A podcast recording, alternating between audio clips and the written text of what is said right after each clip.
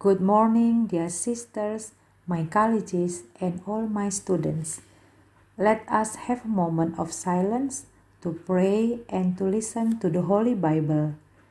In the name of the Father, and of the Son, and of the Holy Spirit. Amen. Father God, we gather here today under your care and protection. Thank you for your loving kindness that never fails us. We thank you for those with us that you will guide our thoughts and actions to bring you glory. Strengthen us and fill us with your peace. May we love and serve each other as Jesus has shown us. Fill us with the Holy Spirit to do your good work on earth. Amen. The Lord be with you and also with you. A reading from the Holy Gospel according to Matthew. Glory to you, Lord. As Jesus was going up to Jerusalem, he took the twelve disciples aside by themselves and said to them on the way, Behold, we are going up to Jerusalem, and the Son of Man will be handed over the chief priests and the scribes, and they will condemn him to death, and hand him over to Gentiles to be mocked and scourged and crucified, and he will be raised on the third day. Then the mother of the sons of Zebedee approached Jesus with her sons and did him homage, wishing to ask him for something. He said to her, What do you wish? She answered him, Command that these two sons of mine sit, one at your right and the other at your left in your kingdom. Jesus said in reply, You don't know what you are asking. Can you drink the chalice that I'm going to drink? They said to him, We can.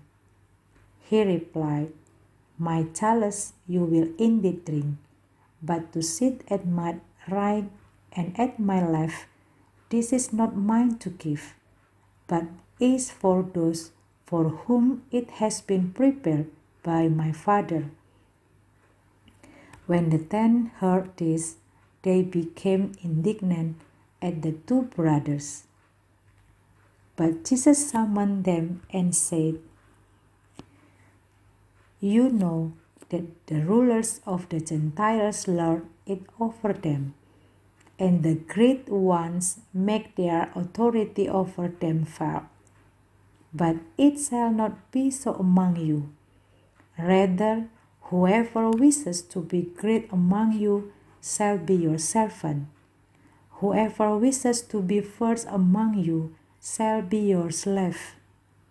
Just so the Son of Man didn't come to be served, but to serve, and to give his life as a ransom for many. This is the gospel of the Lord. Praise to you, Lord Jesus Christ. Suster, Bapak, Ibu, dan anak-anakku yang terkasih, dalam bacaan Injil hari ini Yesus mengatakan, Barang siapa ingin menjadi besar di antara kamu, hendaklah ia menjadi pelayanmu. Dan barang siapa ingin menjadi terkemuka di antara kamu, hendaklah ia menjadi hambamu.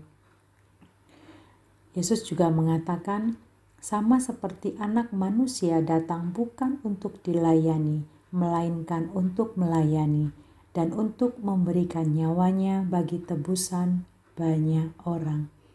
Suster, Bapak, Ibu, dan anak-anakku yang terkasih, apa yang mau diajar, disampaikan Yesus?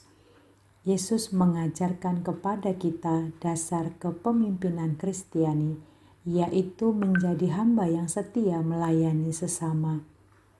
Maka, tempat di sebelah kiri dan kanannya pasti akan diberikan bagi kita yang mampu hidup sepertinya penuh kasih, semangat melayani sesama, pengorbanan, dan kerja keras tanpa pamrih bagi kebahagiaan orang banyak.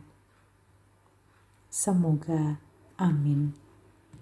Lord Jesus, you became a servant for my sake to set me free from the tyranny of selfish pride and self concern. Teach me to be humble as you are humble and to love others generously with selfless service and kindness. Amen. In the name of the Father, and of the Son, and of the Holy Spirit.